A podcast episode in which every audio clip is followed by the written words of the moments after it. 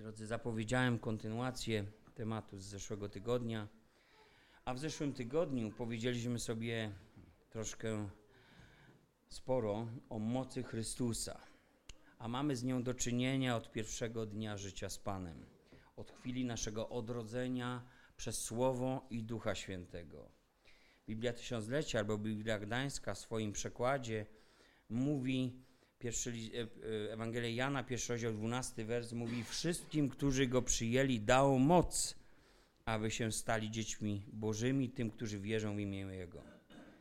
I dowiedzieliśmy się również, że boska Jego moc obdarowała nas wszystkim, co jest potrzebne do życia i pobożności. 2 Piotra, pierwszy rozdział, trzeci wers. Więc Bóg nie szczędzi nam e, tej pomocy w postaci swojej mocy. Boża moc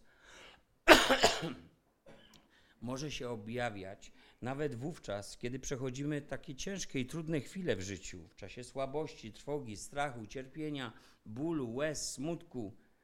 Nasze chrześcijaństwo nie miałoby żadnej wartości i niczym nie, mieli, nie różnilibyśmy się od ludzi tego świata, gdybyśmy musieli opierać się na sile tkwiącej tylko w nas samych wiecie, uwierz w siebie. Ale co, kiedy przychodzi dzień, w którym czujesz się jak tak pusty w środku, jak bęben, tak, tak pusty i przygnieciony, czasem mówię, jak lej po bombie. Tam nic nie ma, tam tylko czujesz jakąś, jakieś zgliszcza, ruiny. E, właśnie wtedy, wtedy możemy najbardziej chyba uświadamiać sobie, że jest moc, która przewyższa wszelki rozum, wszelkie poznanie. I możemy być również w trudnych chwilach skuteczni w niesieniu Ewangelii, mimo swoich e, różnych słabości. Ta moc oczywiście nie działa jednak tak sobie automatycznie, bez naszej świadomości, bez naszego udziału. Pan chce zaangażować nasze życie do współpracy z Nim. Nie jest to oczywiście współpraca w dziele zbawienia, bo te mamy z łaski za darmo, przez wiarę, ale chodzi o współpracę w, w służbie, współpracę w codziennym życiu chrześcijańskim. Mam tu na myśli uświęcenie. Nasze życie to życie w uświęceniu. Cały wzrost duchowy. W jaki sposób przychodzi do naszego życia ta moc Chrystusa? Powiedzieliśmy sobie, że przez wiarę, zaufanie Bogu, przez otwartość na prowadzenie Ducha Świętego, przez posłuszeństwo Słowu Bożemu i dzięki przemienionemu, autentycznemu życiu, de, które jest dedykowane Bogu, a Bóg sam błogosławi takie życie. Stajemy się jakby takim otwartym, drożnym kanałem Bożego działania dla innych ludzi. Apostoł Paweł napisał: Mamy zaś ten skarb naczynia glinianych, aby się okazało, że moc, która wszystko przewyższa, jest z Boga i nie z nas. A więc chrześcijanin widzi swoje życie w tym obrazie kruchego naczynia, które może być wypełnione Bożą obecnością. I możesz przekraczać granice, które wydają się murem nie do przeskoczenia. Kiedy jesteś słaby, możesz w nim być mocny. Czy dostrzegamy tą działającą moc?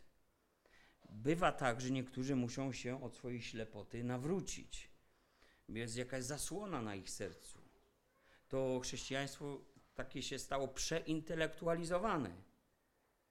E, czasem człowiek musi się nawrócić, by dostrzec, że to nie jest tak, że Bóg przyszedł do nas, wtedy się nawróciliśmy, działy się och, cudawianki, był ten Jezus, potem pozostawił nas sobie, dał nam jakąś książkę w drogę i poszliśmy sobie tą drogą. Taki pogląd byłby równoznaczny w, w teologii z de, deizmem, czyli ten pogląd ukazuje Boga jako sprawcę czegoś, który jednak pozostawił to swoje stworzenie samemu sobie i jest takim wielkim nieobecnym w życiu ludzi. Wiemy, że tak nie jest. Wiemy, że tak nie jest. Paweł modlił się, aby Pan otworzył oczy, nasze duchowe oczy, abyśmy wiedzieli, jaka jest nadzwyczajna moc, owszem, też nadzieja, ale nadzwyczajna moc działająca wobec nas, którzy wierzymy dzięki przemagającej sile Boga. Od czego czasem trzeba się nawrócić? Czasem trzeba się nawrócić od złej teologii. Z jednej strony, która nakazuje nam poszukiwanie mocy w emocjach, w jakimś świetnym samopoczuciu. Czasem patrząc na drugą skrajność, trzeba się nawrócić od złej teologii, która nie uznaje służby Ducha Świętego mm, i nie widzi go jako zastępcę Chrystusa, kogoś obecnego ciągle w naszym życiu. Czasem musimy się nawrócić od nieposłuszeństwa Duchowi Świętemu.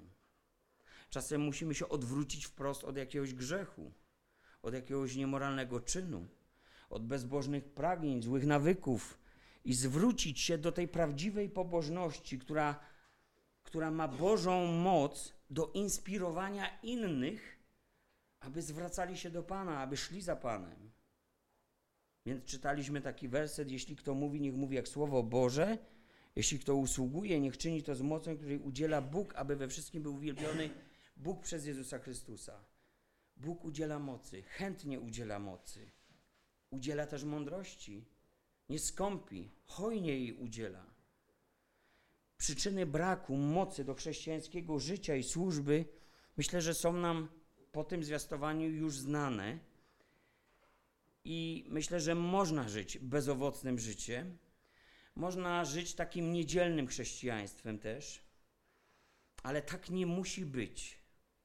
A właściwie tak nie może być, bo, bo mamy pewne zadanie przed sobą, które bez Jego mocy, bez Jego pomocy my nie będziemy w stanie Jemu sprostać. Nie będziemy w stanie udźwignąć ciężaru odpowiedzialności za to, co zostało nam powierzone. Kościołowi, ale Kościół to nie budynki, to nie szyldy, to nie denominacje, to nie instytucje i nie organizacje. To są ludzie zgromadzeni w nich. Ja i ty. I to tyle tytułem przypomnienia, wstępu tego, o czym mówiliśmy tydzień temu. Przypomnijmy sobie więc tekst, którym podążymy dalej. To jest Ewangelia Mateusza, 28 rozdział, 18 do 20 wersetu. A Jezus przystąpiwszy, rzekł do nich te słowa. Dana mi jest wszelka moc na niebie i na ziemi. Idźcie tedy i czyńcie uczniami wszystkie narody, chrzcząc je w imię Ojca i Syna i Ducha Świętego, ucząc je przestrzegać wszystkiego, co wam przykazałem, a oto ja jestem z wami po wszystkie dni, aż do skończenia świata. Zostawmy omówiony pierwszy werset za sobą, a spójrzmy na te kolejne. Idźcie tedy. Te słowa mówią mi o tym, że chrześcijanin jest w ruchu, że to nie jest ktoś, kto stoi w miejscu, to nie jest ktoś, kto czeka, nie, on nie zwleka, ale idzie do przodu, posiada jakąś inicjatywę w sprawie, do której został powołany. On dokądś zmierza, podąża gdzieś, ma jakiś cel, do którego chce się zbliżyć. A to małe staropolskie słówko tedy w tym moim tekście Biblii Warszawskiej znaczy po prostu dlatego, przeto czy z tego powodu. A więc wszystko to już wiemy, co było wcześniej. Wcześniej Pan Jezus powiedział o swojej mocy. Z tego powodu, że On ma moc, z tego powodu, że On jest namiast do skończenia świata, to mamy później, a ta moc jest dostępna dla nas i On przez Ducha Świętego jest dostępny dla nas, Bóg w Chrystusie udziela nam całej tej pomocy, uczniowie Jego mają pełnić tą misję, do której są powołani. Mają kontynuować Jego dzieło. Można nawet powiedzieć, że idąc śladami jednej z przypowieści Jezusa o Królestwie Bożym, można powiedzieć, że oni mają obracać tym talentem, jaki otrzymali do czasu, kiedy nie wróci ten, który jest jego właścicielem. Ci nasi bracia i siostry w Jerozolimie, ten pierwszy zbór, mam na myśli, wiecie, oni się tak trochę zastali w tym niesieniu Ewangelii.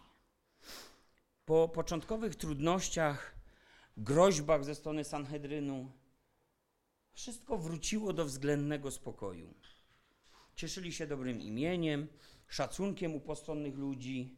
Wszyscy bowiem widzieli niezwykłe działanie Boże w kościele. Ba, nawet nikt nie chciał się tak pochopnie przyłączać do kościoła, bo generalnie panowała taka bojaźń Boża, która wylewała się z tego kościoła na innych ludzi. Można powiedzieć, że wszystkim nawet dobrze było ze sobą. Żydom z chrześcijanami, chrześcijanom z Żydami, zresztą co do pochodzenia i korzeni, wszyscy przecież byli ciągle braćmi. Żyło więc im się dobrze, może nawet wygodnie i przyjemnie. Może nazwalibyśmy nawet ten moment w życiu tego zboru ich strefą komfortu. I misja Chrystusa była, wiecie, pod wielkim znakiem zapytania. Słowa Jezusa, pierwszy rozdział dziejów, ósmy werset. Weźmiecie moc Ducha Świętego, kiedy stąpi na was i będziecie mi świadkami w Jerozolimie, tak to się wydarzyło, i w całej Judei, i w Samarii, i aż po krańce ziemi. Te słowa były tak odległe od tej sielankowej rzeczywistości, bo oni sobie stworzyli tam takie religijne kółko wzajemnej adoracji. I było im dobrze, nie było im źle. I oni złych rzeczy nie robili, żeby było jasne. Ale również nie robili tego, do czego Pan ich powołał. Nie wykonywali tej ostatniej woli Jezusa Chrystusa. Ósmy rozdział, pierwszy werset dziejów. Zobaczcie, co się stało. W owym czasie, a był to ten czas takiego względnego spokoju, w owym czasie rozpoczęło się wielkie prześladowanie zboru w Jerozolimie i wszyscy, z wyjątkiem apostołów, rozproszyli się w okręgach wiejskich Judei i Samarii. Poszło. Wraz z tym rozproszeniem rozeszła się Ewangelia, tak jak pragnął tego Jezus Chrystus. Często zastanawiam się, czy to nie było tak, że troszkę Pan Bóg im pomógł, że ich wypchnął po prostu. Jakby zdjął trochę klosz z nich, że kiedy w obliczu trudności coś przyszło na nich, to chciał, nie chciał, myśląc dość pragmatycznie, po prostu wychodząc z Jerozolimy, roznieśli tę Ewangelię po wielu innych miejscach. Lecz oni dobrze wiedzieli, że nie mieliby mocy sami z siebie. Trzy dni z ich życia, mam na myśli apostołów, trzy dni z ich życia między śmiercią Jezusa a jego zmartwychwstaniem dobitnie im pokazały, jakimi są twardzielami. I dlatego mogliby wątpić w to, czy jakakolwiek misja po odejściu Pana ma szansę i gwarancję powodzenia. Ale z tyłu były głowy te, ten, te dźwięki. Dana mi jest moc. Jestem z wami, aż do, do skończenia świata. Dana jest mu moc. Dlatego mają iść do przodu. Powiedzieliśmy sobie już że to wielkie wyzwanie misyjne nie odnosiło się tylko do jedenastu uczniów Jezusa, apostołów. spadkobiercami tych słów nie są jedynie misjonarze, ewangeliści, pasterze czy etatowi pracownicy Kościoła. Bo pomyślmy, ilu to Pan Jezus ostatecznie miał tych swoich uczniów. Dzieje, szósty rozdział, pierwszy werset. A w owym czasie liczba uczniów wzrastała. Dzieje, szósty rozdział, siódmy werset a Słowo Boże rosło i poczet uczniów w Jerozolimie bardzo się pomnażał. Dzieje 11, rozdział 26 werset. W Antiochii też nazwano po raz pierwszy uczniów chrześcijanami. Dzieje 18, rozdział 22, 23 wers. Udał się w drogę, przemierzając kolejną krainę galacką i Frygrię, utwierdzając wszystkich uczniów. Wszędzie uczniowie. Ci chrześcijanie są nazywani uczniami, a uczniowie są nazywani chrześcijanami, bo to są naśladowcy Pana.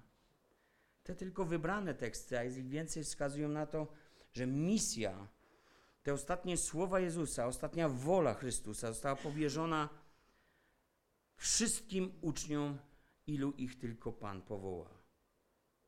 Wszystkim, ilu ich Pan powoła tych słowach Chrystusa ruch misyjny Kościoła od najdalszych wieków odnajdywał swoją fun fundamentalną taką podstawę działania. Podstawa to fundament, tak? uznając to wezwanie za takim uniwersalnym dla każdego, dla każdego człowieka, który poznał Pana. Kościół, jak powiedziałem, to nie budynki, które ciągle stoją w tym samym miejscu, ale to są ludzie, którzy się przemieszczają, którzy idą z miejsca na miejsce, by ogłaszać Chrystusa, gdzie Jego imię też nie jest jeszcze znane. W naszym pięknym kraju oczywiście wydawać by się mogło, że wszyscy znają Chrystusa, ale jest to historyczny Chrystus. To nie jest ktoś osobisty, jak osobisty Zbawiciel, z którym można mieć społeczność. W naszym pięknym kraju, w, tym, w tej religii, w jakiej żyje e, miliony ludzi, trzeba odkłamywać też nieco z tej historii Jezusa. Poprzez tradycję, e, często taką, takim też ludowe spojrzenie, po prostu ta historia Jezusa jest zakłamana. Pewne rzeczy są niepodejmowane, pewne są przekręcone. Jeszcze trudniej jest głosić Chrystusa tam, gdzie, gdzie inny Chrystus i inna Ewangelia dominują. Ale pięknie to powołanie Kościoła, czyli każdego z nas ujął apostoł Paweł w drugim liście do Koryntian, 5 rozdział, 18-20 werset. Powiada, a wszystko to jest z Boga, który nas pojednał z sobą przez Chrystusa i poruczył nam służbę pojednania. To znaczy, że Bóg w Chrystusie świat z sobą pojednał, nie zaliczając im ich upadków i powierzył nam słowo pojednania. Dlatego w miejsce Chrystusa poselstwo sprawujemy, jak gdyby przez nas Bóg upominał. W miejsce Chrystusa prosimy, pojednajcie się z Bogiem. Czytamy tutaj o powierzonej nam służbie pojednania. W tej służbie chodzi o to, że zostało powierzone słowo pojednania, w którym prosimy, upominamy ludzi, aby pojednali się z Bogiem. I tym słowem pojednania jest ta Ewangelia, o której już powiedzieliśmy sobie. Ona jest mocą Bożą dla zbawienia każdego człowieka, w każdym narodzie, w każdym języku, w każdym pokoleniu, czasie.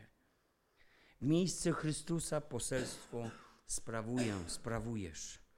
I to jest dość odpowiedzialna pozycja, być w tym miejscu, na Jego stanowisku, albo mówiąc tak prościej, dostać Jego robotę. Jak podołać temu? Jak kontynuować to, co On rozpoczął? Jego uczniowie, naśladowcy, chrześcijanie przejęli tą misję, bo On sam im ją powierzył. W Jego miejscu stoimy. Język grecki używa tutaj pewnego ciekawego słowa. W Grece była, był pisany Nowy Testament pierwotnie. A więc idąc do tych pierwocin, e, mamy słowo presbeo, które posiadało podwójne znaczenie. Z jednej strony oznaczało pracę duszpasterską i to słowo odnajdujemy też w tym kontekście w Nowym Testamencie, lecz to słowo również odnosiło się do pracy posła, który był ambasadorem na ojczyźnie. I potocznie gdzieś ludzie znali to słowo również w takim obrocie, w takim kontekście. A ambasador to reprezentant interesów swojej ojczyzny na obcym terytorium, na obczyźnie. On nie ma własnych celów. On nie działa tak, aby osiągnąć jakieś własne korzyści. On jest tam po to, aby wypełnić misję, z którą jego zwierzchnik, czy król, czy namiestnik, ktoś go posłał tam. Pytanie, czy ja, czy my dobrze reprezentujemy tą swoją niebiańską ojczyznę? Czy my działamy na rzecz Królestwa Bożego? Czy my wypełniamy ten nakaz posłannictwa Chrystusa pośród naszego pokolenia, w tym odcinku, jaki nam jest dany oczywiście? Przyjrzyjmy się więc teraz temu, co dokładnie jest nam powierzone. Bo wiecie, kiedy człowiek przyjmuje się do pracy, to dostaje coś takiego jak warunki. Albo się na nie zgodzi, albo się na nie nie zgodzi. Amerykanie mówią job description, nie? czyli co, jaka jest moja odpowiedzialność. Ja chciałbym znać tę odpowiedzialność. Idźcie i czyńcie uczniami.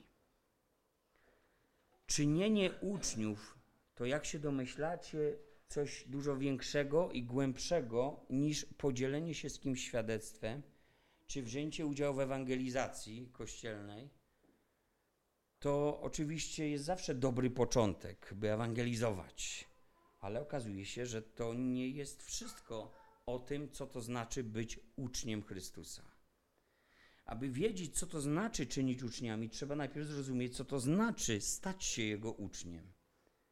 A początkiem uczniostwa oczywiście jest wyznanie grzechów, przyjęcie ofiary Chrystusa jako zadośćuczynienie tym grzechom. Jest uznanie też pierwszeństwa Chrystusa w moim życiu. Uczniostwo to coś więcej niż takie rozumowe przekonanie, że On jest moim Zbawicielem. Choć to prawda. Pewni ludzie chcieli się załapać na chrześcijana. Ponieważ Jan mówił o nadchodzącym sądzie i wzywał ludzi do upamiętania. Lecz niektórzy nie mieli zamiaru zmieniać swego życia. Chcieli się tylko tak dopasować, zaczepić, podczepić jakby swój wagonik do tego pociągu, który leci w tamtą stronę, ku zbawieniu, a świat ku sądowi. Chcieli się zabezpieczyć tak w razie czego. Jak myślicie? Połapał się w tym Jan? Chrzciciel? Oczywiście. Jan konfrontował takich ludzi z ich intencjami, jakie mieli w sercach. Oj, i nie przebierał słowach. To są jego słowa. Ewangelia Mateusza, trzeci rozdział, 7 do 10 wersetu. Powiada, plemię żmijowe, kto was ostrzegł przed przyszłym gniewem? Wydawajcie więc owoc godny upamiętania. Niech wam się nie zdaje, że możecie wmawiać w siebie ojca mamy Abrahama. Powiadam wam bowiem, że Bóg może z tych kamieni wzbudzić dzieci Abrahamowi. A już i siekiera do korzeni drzew jest przyłożona. Wszelkie więc drzewo, które nie wydaje owocu dobrego, zostaje wycięte i w ogień wyrzucone. U, trudne słowa. Chrzest Jana nie był takim zabezpieczeniem na czas gniewu Bożego, ale jedynie autentyczna zmiana wynikająca z upamiętania była tym zabezpieczeniem, tą gwarancją. Chrzest Jana był tylko zewnętrznym, miał być zewnętrznym wyrazem tego, co działo się w sercach ludzi. A jeśli się nic nie działo, a ktoś wlazł do wody, no to Jan mówi, plemię. Kto cię ostrzegł? Myślisz, że to działa? Że to tak działa? I wiecie, dzisiaj może być podobnie. Chrzest nikogo nie zabezpieczy, nie zaimpregnuje na czas, kiedy Bóg zacznie sądzić ten świat. Nikt się nie prześliźnie na tak zwanych lewych papierach. Albo jestem uczniem Jezusa Chrystusa, człowiekiem odrodzonym z wody i z ducha, albo nie jestem.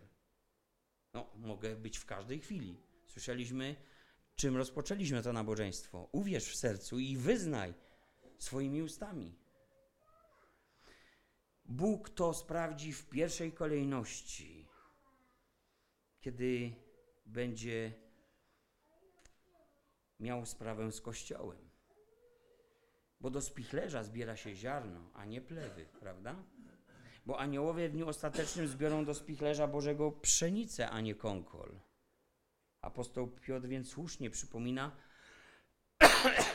mówi 1 Piotra, 4 rozdział, 17 wers. Mówi, nadszedł bowiem czas, aby się rozpoczął sąd od domu Bożego. A jeśli zaczyna się od nas, to jakiż koniec czeka tych, którzy nie wierzą Ewangelii Bożej? Bóg przepatrzy również Kościół. Wiemy, że byli też tacy ludzie, którzy wierzyli w Jezusa, ale nie uznawali Go za pierwszego w swoim życiu. Nie przyznawali się do Niego publicznie, bo, no wiecie, zbyt wiele byłoby do stracenia. Mateusz też mógł nie przyznać się w tym momencie, o którym dzisiaj w świadectwie mówił do Chrystusa, a jednak złożył świadectwo. Ci ludzie nie chcieli ryzykować swojej pozycji, może też profitów wynikających z tej pozycji. Dzisiaj powiedzielibyśmy, że oni tak teoretycznie uwierzyli, że on jest Mesjaszem, ale on nadal nie był panem ich życia. Ewangelia Jana mówi, że wielu członków rady uwierzyło w niego, ale gwoli faryzeuszów nie wyznawali swej wiary, żeby nie zostali wyłączeni z synagogi. Umiłowali bowiem bardziej chwałę ludzką niż chwałę Bożą. Ewangelia Jana, 12 rozdział, 42, 43 werset. Wielu członków razy uwierzyło w Niego. Nie wiemy, czy to ci sami ludzie, ale pewien rozdział dzieł apostolskich mówi nam, wtedy, kiedy pięć tysięcy ludzi się nawróciło, że wśród nich była też niemała liczba kapłanów. No, to była rewolucja. To właściwie chyba wakaty powstały w świątyni. E, właściwie cały ten system nagle stanął. No, Pan Bóg dał im znać, kiedy rozdarła się zasłona od góry do dołu, że to jest koniec tego, co stare. A oni dalej poszyli tą zasłonę, zacerowali i robili dalej swoje po staremu. Ale coś się w końcu zmieniło w życiu Józefa z Arymatei, w życiu Nikodema i niemałej liczby kapłanów, być może członków tej rady, którzy uwierzyli, ale nie wyznawali. Jak jest w naszym życiu? Wierzysz, ale nie wyznajesz? Wierzący, niepraktykujący, jak powiedziałby katolik o takim przykładzie? Pewien człowiek pracował na Jamajce w firmie handlującej bananami. I widząc jego pracę, poświęcenie, pewnego dnia dyrektor firmy przyszedł do niego i zaproponował mu awans. Powiedział do niego tak: Czeka pana świetna przyszłość w naszym przedsiębiorstwie. Czeka pana szybki awans, ale musi pan wiedzieć, że nam potrzebni są oddani ludzie. Jeśli więc chce pan odnieść tutaj sukces, musi pan poświęcić bananom całe swoje życie. Ten człowiek się zastanowił nad tym, co usłyszał, i doszedł do wniosku, że nie może sprzedać za banany swojego życia. On miał inne plany. Biznes bananowy nie był dla niego celem samym w sobie. Nie był trampoliną, miejscem kariery. On, ten biznes, tylko wspierał go w realizacji tych planów, jakie posiadał wcześniej. Więc nie dał się uwikłać, nie dał się zniewolić. I jak się domyślacie, tym samym nie odniósł sukcesu w bananach. Uznanie pierwszeństwa Chrystusa to uznanie go jako mistrza, co oznacza jednocześnie, że jesteśmy jego uczniami. I pierwszeństwo oznacza, że żadne banany, jakie zaoferuje nam świat, nie zatrzymają nas w naśladowaniu swojego mistrza, w tym, co on nam powierzył. Żadna pozycja, profity, obawy o wykluczenie społeczne, jakie tamci mieli, o których mówiłem, żadne straty materialne, czy nawet może zerwane relacje, bo przecież Pan Jezus też mówił, że kto nie miłuje mnie bardziej niż, i podał tutaj, powiedział o więziach rodzinnych, nawet relacje nie mogą zatrzymać mnie w naśladowaniu Chrystusa. Uczniostwo oznacza, że nie odniesiesz sukcesu w bananach tego świata. We wszystkich tych sprawach, które stoją w kolizji, oczywiście, bo nie można służyć Bogu i mamonie, bo w końcu jednym się pogardzi, a drugiego się będzie miłować. Konflikt jest nieunikniony w tym świecie. A teraz pójdźmy dalej i możemy przytoczyć te słowa Jezusa szerzej on mówi: idźcie i czyńcie uczniami innych ludzi. Jak tego dokonać? Jeśli sami nie stalibyśmy całym życiem za słowami Ewangelii. Jak tego dokonać, jeśli sami bylibyśmy ludźmi przedkładającymi swoje sprawy, swoje kariery, swoje ambicje, swoje marzenia ponad to wszystko, co miałby dla nas Chrystus?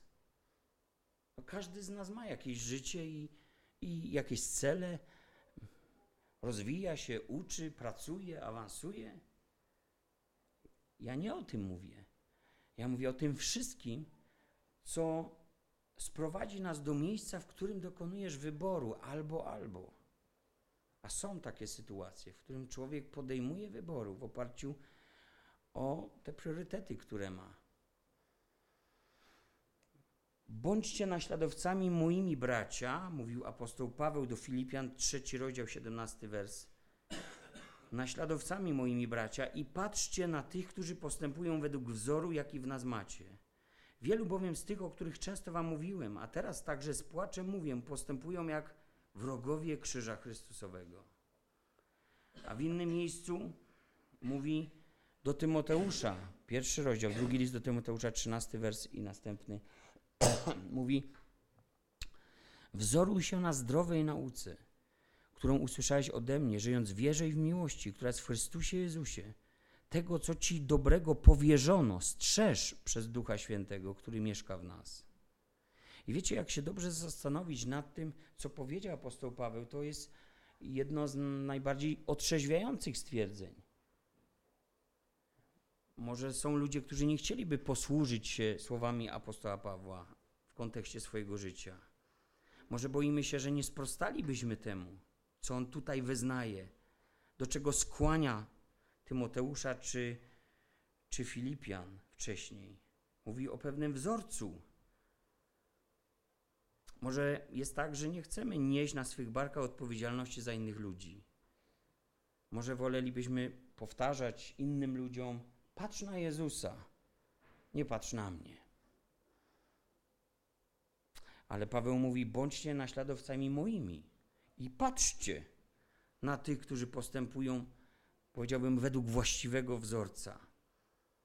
I musimy być tego świadomi, że nasze życie, nasze wybory, nasze priorytety, nasze życiowe cele, ambicje i przy tym wszystkim moralność wytyczają innym ludziom też jakąś drogę. Otwierają drzwi, dają przyzwolenie albo zamykają. Oczywiście nikt nie stawia pytań, czy mi wolno to, czy mi wolno tamto, czy tamto. W Chrystusie wszystko wolno, więc to jest źle zadane pytanie. Ale ludzie naśladują, powielają. I to jest takie ważne, czy jesteśmy przykładem wytyczającym innym ludziom właściwą ścieżkę poprzez biblijne wzory.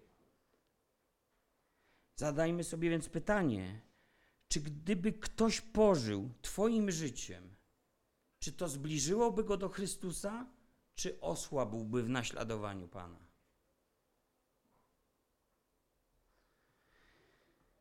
Paweł nie powiada, patrzcie na wszystkich chrześcijan i żyjcie jak chcecie. Macie tyle opcji do wyboru, bo każdy tam sobie żyje po swojemu. On tak nie mówi, on tak nie myśli w ogóle nawet o Kościele. Ale mówi, patrzcie na tych, którzy postępują według wzoru, jaki w nas widzicie. Więc wszystko się zaczyna od fundamentu życia i nauki apostołów. Autor listu do Hebrajczyków podobnie mówi: Pamiętajcie na wodzów waszych, którzy wam głosili Słowo Boże.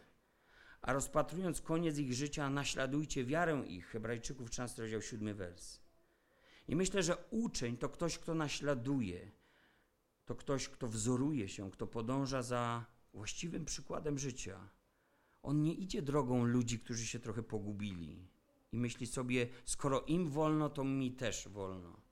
On nie wybiera dróg tak zwanych, powiedziałem już, niedzielnych chrześcijan, którzy, których życie w tygodniu nie przypomina tego niedzielnego szyku, jaki sobie zadają.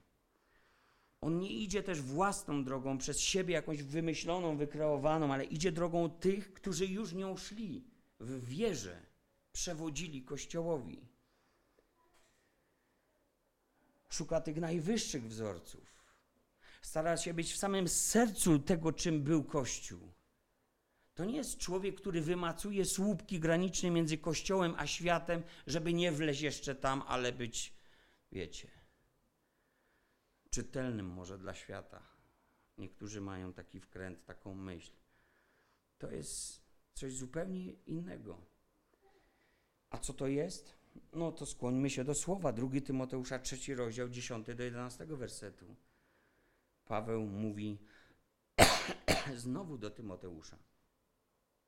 Lecz ty poszedłeś za moją nauką, za moim sposobem życia, za moimi dążnościami, za moją wiarą, wyrozumiałością, miłością, cierpliwością, za moimi prześladowaniami, cierpieniami, które mnie spotkały w Antiochii, w Ikonium, w Listrze.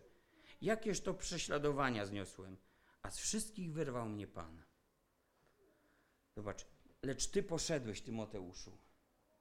I mamy tu teorię, mamy praktyczne życie i mamy przemienione wnętrze. Mamy wszystkie te rzeczy tutaj. i to wezwanie. Idźcie i czyńcie uczniami. To jest dokładnie to samo. Najpierw sam musisz pójść za właściwym wzorcem. Najpierw samemu musi mi się chcieć. Najpierw sam muszę uznać pierwszeństwo Chrystusa, bym innych za swoim przykładem mógł pociągnąć. No, do flaszki idzie też pociągnąć kogoś. Nie trzeba wiele. Ale co to jest za przykład? Co to jest za wzorzec? Chyba wzór pijaństwa. Taki stereotyp Polaka, kojarzący się z flaszką. Nie o tym mówimy dzisiaj. Drugi Tymoteusza, drugi rozdział, pierwszy i drugi wers. Ty więc, synu mój, wzmacniaj się w łasce, która jest w Chrystusie Jezusie. A co słyszałeś ode mnie wobec wielu świadków, to przekaż ludziom godnym zaufania, którzy będą zdolni i innych nauczać. On się tutaj troszczy o przyszłość. Zachęca Tymoteusza, by znalazł ludzi szczególnych, bo godnych zaufania, którym przekaże tą służbę nauczania i którzy sami w przyszłości, będąc uczniami, będą zdolni innych uczyć.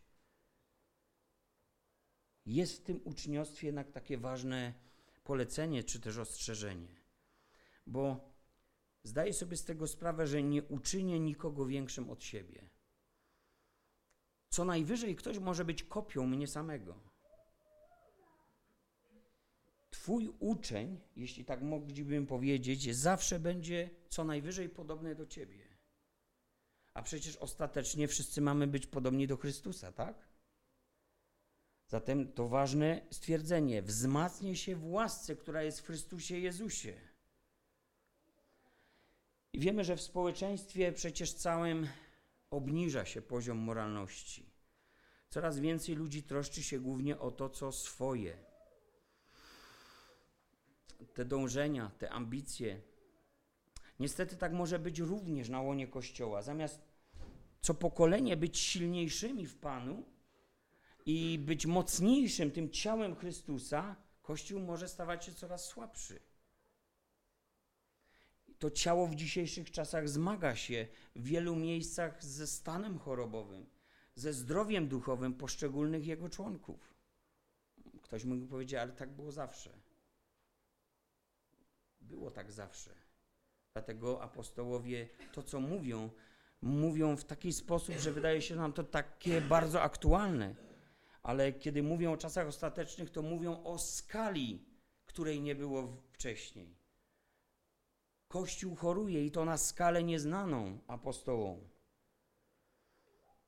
A wiemy, że przecież gdy jeden członek cierpi, cierpi całe ciało, a gdy jeden choruje, to odczuwa całe ciało. No to idź do pracy z bólem brzucha. Albo napisz pracę magisterską z migreną. A przecież to tylko jeden organ tutaj cierpi. A przecież tylko w jednym brzusiu tu cię boli. Zobaczcie, jedno miejsce i po prostu e, całkowicie rozłożony człowiek. Grypa wystarczy i też wiemy o co chodzi. Pan Jezus powiedział: Nie jest uczeń nad mistrza ani sługa nad swego pana. Wystarczy uczniowi, aby był jak jego mistrz, a sługa jak jego pan. Mateusz 10, 24, 25 wers. Myślę, że uczeń musi ciągle się uczyć. Uczyć się, jeszcze raz się uczyć, aż nauczy się Chrystusa. W każdej dziedzinie naszego życia potrzebujemy tego. Paweł mówi do Efezjan, ale wy nie tak nauczyliście się Chrystusa. Trzy lata dzień w dzień, od rana do wieczora wykładał im Chrystusa i pokazywał swoim życiem im Chrystusa. I miał prawo powiedzieć, nie tak się nauczyliście Chrystusa. A w innym miejscu do Filipa mówi, ale nauczyłem się żyć w dostatku i nauczyłem się głód cierpieć. A więc czegoś można się nauczyć, a czegoś można nadal nie potrafić, nie umieć. Ale wystarczy, jak będziemy jak mistrz a ja nie podejrzewam, że już jesteśmy jak mistrz. Zatem musimy ciągle się uczyć, aby innych dobrze uczyć, aby tą sztafetę wielopokoleniową, nazwijmy ją sztafetą wiary, przekazać następnemu pokoleniu, naszym dzieciom. Mamy oczywiście bardzo wiele narzędzi pomagających nam w tym. Uczeń Tymoteusza wiedział o tym, czym jest uczniostwo bo jego nauczyciel mu o tym przypominał. Pierwszy Tymoteusza, czwarty rozdział, 13 do 16 wersetu. Dopóki nie przyjdę, pilnuj czytania, napominania, nauki. Nie zaniedbuj daru łaski, który masz, a który został Ci udzielony na podstawie prorockiego orzeczenia przez włożenie rąk starszych. O to się troszcz. w tym trwaj, żeby postępy Twoje były widoczne dla wszystkich. Pilnuj siebie samego i nauki. Trwaj w tym, bo to czyniąc i samego siebie zbawisz i tych, którzy Cię słuchają. Ła, mocne słowa. Uczniostwo to jest coś odpowiedzialnego. Zostaliśmy zbawieni, ale powołani też do uczniostwa. Odpowiadamy nie tylko za siebie, a innym powiemy: patrz na Jezusa. Odpowiadamy też za innych, którzy mnie słuchają, widzą, naśladują, powielają, kopiują, od których czuję, że mam przyzwolenie do czegoś albo zakaz, choć nie powiedzieli nic, ale to ich życie mówi. Mamy pilnować siebie samego, by nie być złym przykładem, by nie wyprowadzić kogoś na manowce. Mamy nie zaniedbywać się w duchowym rozwoju. Czy mamy społeczność ze Słowem Bożym? Mamy czy nie? Byście się zdziwili, jak wiele ludzi po prostu ma słowo na niedzielę. Rutyna. Kupony, odcinanie kuponów od swojego pierwszego miesiąca życia z Bogiem. Tragedia. A potem coś się dzieje strasznego i Kościół się drapie po głowie i mówi: Nic nie widzieliśmy. Jak to się mogło stać? Nie wiemy, jak oni upadli, czy on upadł, czy ona upadła. Nic nie dzieje się nagle. Tak jak ktoś powiedział, Auschwitz też nie spadło nagle z nieba. To jest powolny proces oddalania się od Boga. Kiedy przychodzi kryzys, to okazuje się, że tysiące kropli już przerały czarę goryczy. Ale kto by na krople zwracał uwagę? Jak jeden grosz leży na ulicy, też się mało kto już schyla po jeden grosz, bo co to za wartość? Ale gdyby ci ktoś położył 100 złotych po jednym groszu, to byś chyba wziął te 100 złotych. No bo 100 złotych piechotą nie chodzi. Więc my tak często nie zwracamy uwagi na te małe rzeczy, a one po prostu są w stanie zniszczyć wielkie dzieła Boże. Więc trzy niezwykłe, ważne zadania zawiera uczniostwo. Czyńcie uczniami wszystkich ludzi, prowadząc ich do wiary. Po drugie, czyńcie uczniami wszystkich ludzi, czytamy chrzcząc ich w imię Ojca, Syna i Ducha Świętego. I czyńcie uczniami wszystkich ludzi, nauczając wszystkiego, co wam przykazałem. I drodzy, kilka słów na zakończenie. Pan Jezus w innej Ewangelii, to mamy 16 rozdział Ewangelii Marka, powiedział, idąc na cały świat, głoście Ewangelię wszelkiemu stworzeniu. Kto uwierzy i ochrzczony zostanie, będzie zbawiony, ale kto nie uwierzy, będzie potępiony. Uczniostwo zaczyna się tam, gdzie ktoś uwierzy. A gdy zaczyna się wiara, powinno zaczynać się posłuszeństwo. Bo apostoł sam mówi, że on i inni apostołowie zostali powołani przez Chrystusa, jest to list do Rzymian, pierwszy rozdział, piąty werset, aby dla imienia Jego przywiedli do posłuszeństwa wiary wszystkie narody. Wiara w życiu ucznia rodzi posłuszeństwo swemu mistrzowi. Chodzi o posłuszeństwo oczywiście wobec Słowa Bożego, które naucza mnie, kieruje mnie. A następnym krokiem jest co? Chrzest. A więc chrzest jest tym pierwszym dowodem mojego upamiętania, znakiem nowego życia, manifestacją mojego posłuszeństwa za Bogiem. Jest to publiczne, świadome wyznanie przed ludźmi, że utożsamiam się Chrystusem i jestem Jego naśladowcą. Chrzest jest moim wyznaniem jedności z Nim, przymierzem z Nim. Jest odpowiedzią Bogu, potwierdzeniem, świadectwem mojej duchowej tożsamości i przynależności do Kościoła, że należę do Jego, że żyję już, żyję już nie ja, ale żyje w moim życiu Chrystus. Więc zobaczcie, czyńcie uczniami, ucząc wszystkiego, co przekazałem. Chrzest, ten pierwszy krok i co dalej? Chrzest i co dalej? Ucząc wszystkiego, co wam przykazałem. Czy uczymy innych wszystkiego, co przykazał Jezus? Nie mamy czasu, żeby zagłębić się w, choćby w punktach. Tak wiele lekcji, tak wiele nauk, a gdyby spisano wszystkie księgi na temat tego, co uczynił, czy powiedział Jezus, to nie starczyłoby miejsca w bibliotekach świata.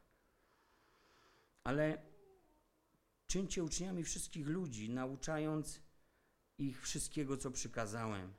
To jest wyzwanie, bo ludzie nauczają czasem tego, co chcą, tego, co byłoby im wygodne, e, tego, co byłoby dla nich lepsze. Tylko tyle, ile potrzeba, tylko tyle, ile może ktoś zechciałby przyjąć, tylko tego, co łatwo byłoby nauczyć. A wiecie o co chodzi? No, chodzi o to, żeby nie zrazić nikogo do siebie.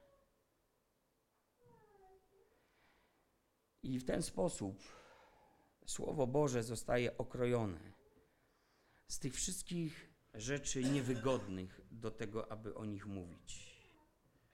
Pewnego razu na własne uszy to słyszałem.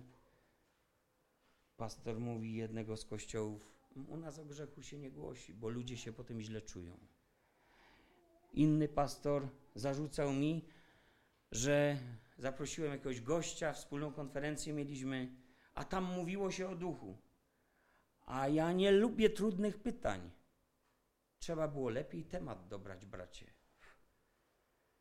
Ludzie, trzeba byłoby skorygować Biblię, bo tu ciągle gdzieś o duchu jest. Może taką Biblię Jeffersona trzeba by zrobić. On sobie powycinał żyletką fragmenty, żeby już nigdy więcej się na to nie natknąć, co go oskarża. Apostoł Paweł przed starszyzną w Efezie mówi: Nie uchylałem się od zwiastowania wam wszystkiego, co pożyteczne, od nauczania wam publicznie i po domach. Dzieje 20 rozdział 20 werset. A dalej mówi do tych samych ludzi, 26 wers. Dlatego oświadczam wam, oświadczam przed wami w dniu dzisiejszym, że nie jestem winien niczyjej krwi. Nie uchylałem się bowiem od zwiastowania wam całej woli Bożej. Miejcie pieczę o samych siebie i o całą trzodę, wśród której was Duch Święty ustanowił biskupami, abyście paśli zbór pański nabyty własną Jego krwią. No i druga ważna rzecz, jaką tu widzimy, to fakt, że to, czego Jezus uczył, On nie zostawiał do rozważania swoim uczniom, do przedyskutowania, by się nad tym zastanowili. On to po prostu przykazywał. Tak ma być i amen. Uczniowie nie zakładali więc chrześcijańskich kółek filozoficzno-dyskusyjnych, aby debatować nad tym, jak interpretować słowa Jezusa. Najpierw je interpretujemy dosłownie, a potem się zastanawiamy nad symboliką, przenośnią itd. Tak Ale w przypadku czynienia uczniami, literalnie, dosłownie wiemy o co chodzi i widzimy to o co chodzi. Apostoł Paweł mówi: I otrzymamy od Niego o cokolwiek prosić będziemy, gdy przykazań Jego przestrzegamy i czynimy to, co jest miłe przed obliczem Jego. 1 Jana 3,22. A więc takiego podejścia do Słowa Bożego mamy uczyć innych. Uczyć wszystkiego, bo całe Boże Słowo jest natchnione i wystarczające. Nic więcej nie potrzebujesz. Nie potrzebujesz internetu, nie potrzebujesz biblioteki książek, potrzebujesz Biblię. Słowo Boże, aby człowiek Boży był doskonały, do wszelkiego dobrego dzieła przygotowany. Nic więcej nie potrzebujesz w, w tej sprawie. Słowo ma autorytet, któremu należy się poddać. Pan Jezus mówi po tych słowach, które rozszerzyłem dla nas o inne fragmenty, mówi: A oto ja jestem z wami po wszystkie dni, aż do skończenia świata. Drodzy, Potrzebujemy takiego świadomego chrześcijaństwa. Potrzebujemy uczniostwa. Jezus chce nam towarzyszyć, by nam pomóc.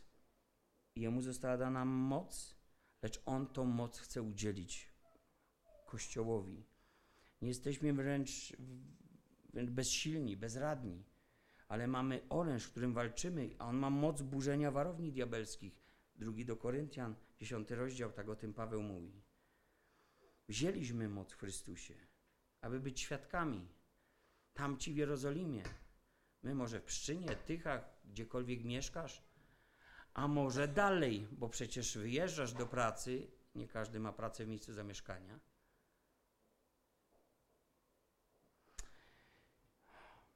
To jest nasz testament, nasza ostatnia wola Pana Jezusa Chrystusa pozostawiona nam. Pomyśl teraz o ludziach, o osobach, którzy jeszcze nie wiedzą, że jesteś naśladowcą Pana Jezusa. Może wiedzą, że już nie upijasz się, nie imprezujesz jak dawniej, Ale może myślą, no, zestarzał się chłop, to już troszkę inaczej myśli. Może wiedzą, że nie traktujesz ludzi z buta tak źle jak kiedyś, ale może myślą, no, wiecie, trochę oleju do głowy mu naszło. Może ktoś go kiedyś potraktował parę razy, to się chłop czy kobieta zmieniła. Może wiedzą, że nie jesteś kombinatorem, jak byłeś kiedyś, w białych rękawiczkach. Tak najlepiej się kradnie. Ale może nie wiedzą, dlaczego ty przestałeś w ten sposób już żyć. Może wiedzą, że teraz jesteś porządnym człowiekiem. Może wiedzą, że nie chodzisz do tego samego kościoła jak kiedyś. Może wiedzą, że żyjesz po prostu jakoś inaczej, ale ci sami ludzie może wciąż nic nie wiedzą o tym, że wszystko to, kim dzisiaj jestem, jesteś, zawdzięczasz Chrystusowi. Może muszą się ciągle domyślać, bo nic nadal nie wiedzą, że to On Ciebie zmienił, zbawił i uzdolnił do takiego życia, jakie masz dzisiaj. Może obawiają się zapytać, bo milcząc czynisz ten temat takim niezręcznym. A wiecie, w Polsce temat wiary to temat tabu. Publicznie raczej się o tym nie mówi, chyba że w mediach, w kościołach, ale tak gdzieś przy okazji, w pracy, mm, na ulicy, z sąsiadem przez płot, gdziekolwiek. Nauczyliśmy się, że w tym naszym religijnym kraju i przyjęliśmy to jako normę, że ten Pan Jezus to najlepiej jakby był zamknięty w takim naszym własnym tabernakulum. Od święta trzeba go otwierać. Czy tak rozumieć mamy odpowiedź na powołanie do misji? Czy tak wyglądało to w czasach apostolskich? Nie, to był dynamit, to był wybuch, moc. To było nie do ogarnięcia. Jezus jest z Tobą. I Jezus ma wyjść z Tobą poza mury tej kaplicy. Bo Ty przecież już nie chodzisz do kościoła jak miliony, ale Ty stałeś się kościołem. Cząstką Jego ciała jesteś, a On Twoją głową. Więc tam, gdzie Ty, tam i Jezus. Bądźmy tego świadomi, bo już czas, aby modlić się o tych ludzi. Wiem, że wielu z Was to robi, ale czas, by modlić się o tych ludzi, którzy są wokół nas, którzy może coś wiedzą, ale nie wiedzą tego, co najważniejsze. Może wiedzą, że Ty tam, tam coś z Bogiem masz, a oni dalej nie wiedzą, jak można być zbawionym. Może powinniśmy się dzisiaj modlić, Panie, Przygotuj ich serca, otwórz ich serca na Ewangelię i daj mi okazję, sposobność, abym mógł złożyć świadectwo o Tobie, o moim Zbawicielu, Panu, któremu wszystko, co, co jest w moim życiu, ja Jemu to zawdzięczam i dlatego za Nim podążam i nie jestem w stanie nawet odwrócić się i iść z powrotem. Pomyślmy o tym dzisiaj. Czy ostatnia wola Jezusa to wola, o wypełnienie której naprawdę się troszczymy. Jako Kościół, jako zbór, jako Tomasz, i tu możesz wstawić swoje imię. Czy troszczysz się o to? Amen.